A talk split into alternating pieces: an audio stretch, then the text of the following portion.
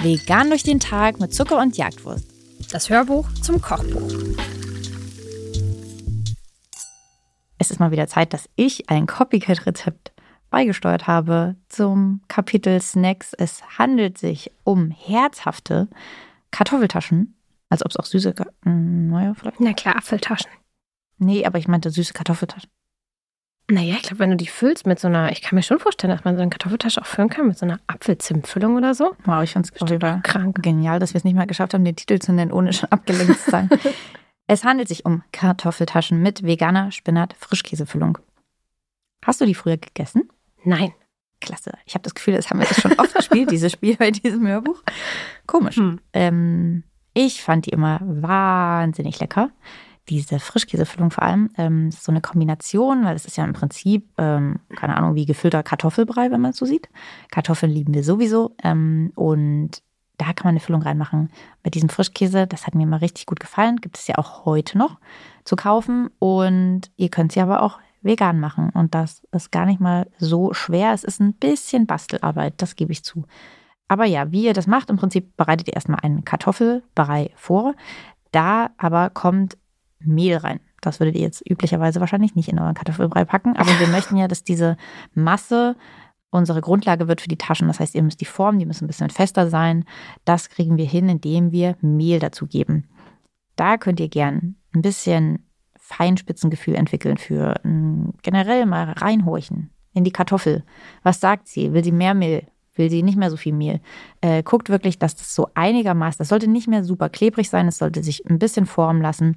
Ähm, und ihr könnt natürlich auch, wenn ihr anfangt, dann die Kartoffeltaschen zu formen und ihr merkt, okay, das haut nicht hin, die Füllung, das wird alles zu schwierig, dann könnt ihr natürlich immer und immer wieder auch äh, Mehl dazu geben. Das heißt, eure Kartoffeltaschen könnten über die Zeit immer besser werden. Ihr könntet sie immer weiter optimieren. Das ist jetzt ungefähr das, was ich wirklich gebraucht habe. Wir empfehlen euch natürlich auch mehlig kochende Kartoffeln äh, dafür zu verwenden, aber auch da gibt es ja unterschiedliche Sorten. Das heißt, seht das mal so ein bisschen als Referenz, aber passt da trotzdem ein bisschen mehr auf euer Gefühl auf, was ihr denkt, was da hinhauen könnte. Ansonsten ist die Füllung super schnell zubereitet, weil ihr eigentlich nur Tiefkühlspinat, den ihr natürlich auftaut, am besten auch in einem Sieb, damit das ein bisschen abtropfen kann und die Sache nicht super flüssig wird. Den vermengt ihr mit ein bisschen äh, veganem Frischkäse und ein paar Kräutern, Salz, Pfeffer, abschmecken, fertig ist. Und danach beginnt so ein bisschen die Bastelzeit, äh, denn dann müsst ihr das Ganze füllen. Ich wette, ihr kriegt nach ein, zwei Malen den Dreh hin und habt dann ein eigenes Gefühl für. Ihr lest hier, wie ich das äh, ungefähr mache. Ich habe zum Beispiel dann noch irgendwann angefangen, dass ich so ein von so einem Pfannenwender, aber so einem, der so durchgängig ist, der mhm. keine Rillen hat, dass ich fand, das hat sich irgendwie super geeignet, um so eine kleine Kugel an Kartoffelbrei sozusagen einmal platt zu drücken. Das war dann auch ungefähr die Größe, die ich wollte. Also das konnte ich dann gut als Orientierung nutzen. Da gebt ihr die Füllung rein. Dann legt ihr das alles vorsichtig ähm, dazu und äh, danach wäre es noch gut, wenn ihr die einmal kurz kühlen lasst. Dadurch sozusagen wird alles nochmal ein bisschen fester und wird euch in der Pfanne nicht auseinanderfallen. Beim Braten nehmt am besten die beste Pfanne, die ihr habt. Also, weil auch da, wenn ihr so eine Pfanne habt, die ihr schon seit Jahren habt, wo es auf jeden Fall okay ist, da einfach mal auf hoher Temperatur was anzubraten, dann ist das schön und gut, aber da könnte es dann sein, dass die nicht mehr so die Beschichtung hat, die ihr wollt, damit die Kartoffeltaschen nicht dran anbraten und brennen. Deswegen nehmt die bestbeschichtete Pfanne, die ihr habt. Gibt es Kartoffeltaschen eigentlich auch mit einer anderen Füllung zu kaufen oder ist, gibt es einfach nur eine Sorte? Ich glaube, ehrlich gesagt, die gibt es nur so. Komisch, oder? Weil man könnte da bestimmt ganz unterschiedliche Füllungen reinmachen. Ja, könnt ihr natürlich hm. auch machen. Da könnt ihr äh, kreativer werden als die Industrie.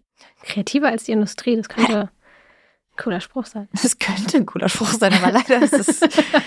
Nein, so das ist ein, war ein toller Ausdruck, den du da verwendet hast. Finde ich auch. Weil auch wenn man Spinat nicht mag oder so, kann ich mir richtig gut vorstellen, dass man das vielleicht auch eher so mit einer Dillfüllung macht oder dass man bei den Kräutern variiert, dass man vielleicht irgendwie auch so eine leichte Schärfe reinbringen könnte oder da eher auf Schmand geht oder ich weiß es nicht, was man da alles reinmachen könnte. Aber an sich finde ich ähm, so eine Kartoffeltasche zu füllen ja schon die übelst gute Idee. Deswegen hätte ich jetzt eigentlich erwartet, dass die Industrie da verschiedene Sorten hat. Tja, vielleicht wissen wir es auch noch nicht. Ja.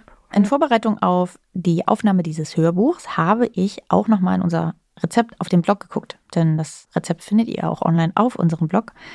Das ist jetzt schon ein paar Jahre her, dass wir das Rezept gemacht haben und ich finde, es war ein super äh, Beispiel dafür, wie sich die vegane Produktpalette erweitert. Denn damals haben wir noch geschrieben, den veganen Frischkäse für die Füllung bekommt ihr im Bioladen oder sogar in manchen Supermärkten. Wer keinen findet, kann ihn einfach selber herstellen. Ja. Und jetzt, wenige Jahre später, gibt es in jedem Supermarkt von jeder Eigenmarke, von den meisten großen Marken vegane Frischkäse. Das ist wirklich gar kein Problem mehr und könnte uns darauf hinweisen, dass viele Sachen, die wir hier noch aktuell selber machen, wie Reispapierbacon und so, dass es das in wenigen Jahren super entspannt auch als reguläres Ersatzprodukt gibt.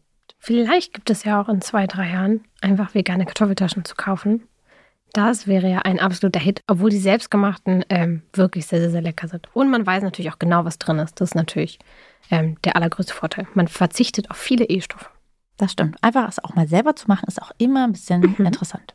Auf jeden Fall. Deswegen, ähm, selbst wenn es welche jetzt in der Zukunft bei euch zu kaufen gibt, macht sie doch trotzdem mal selbst.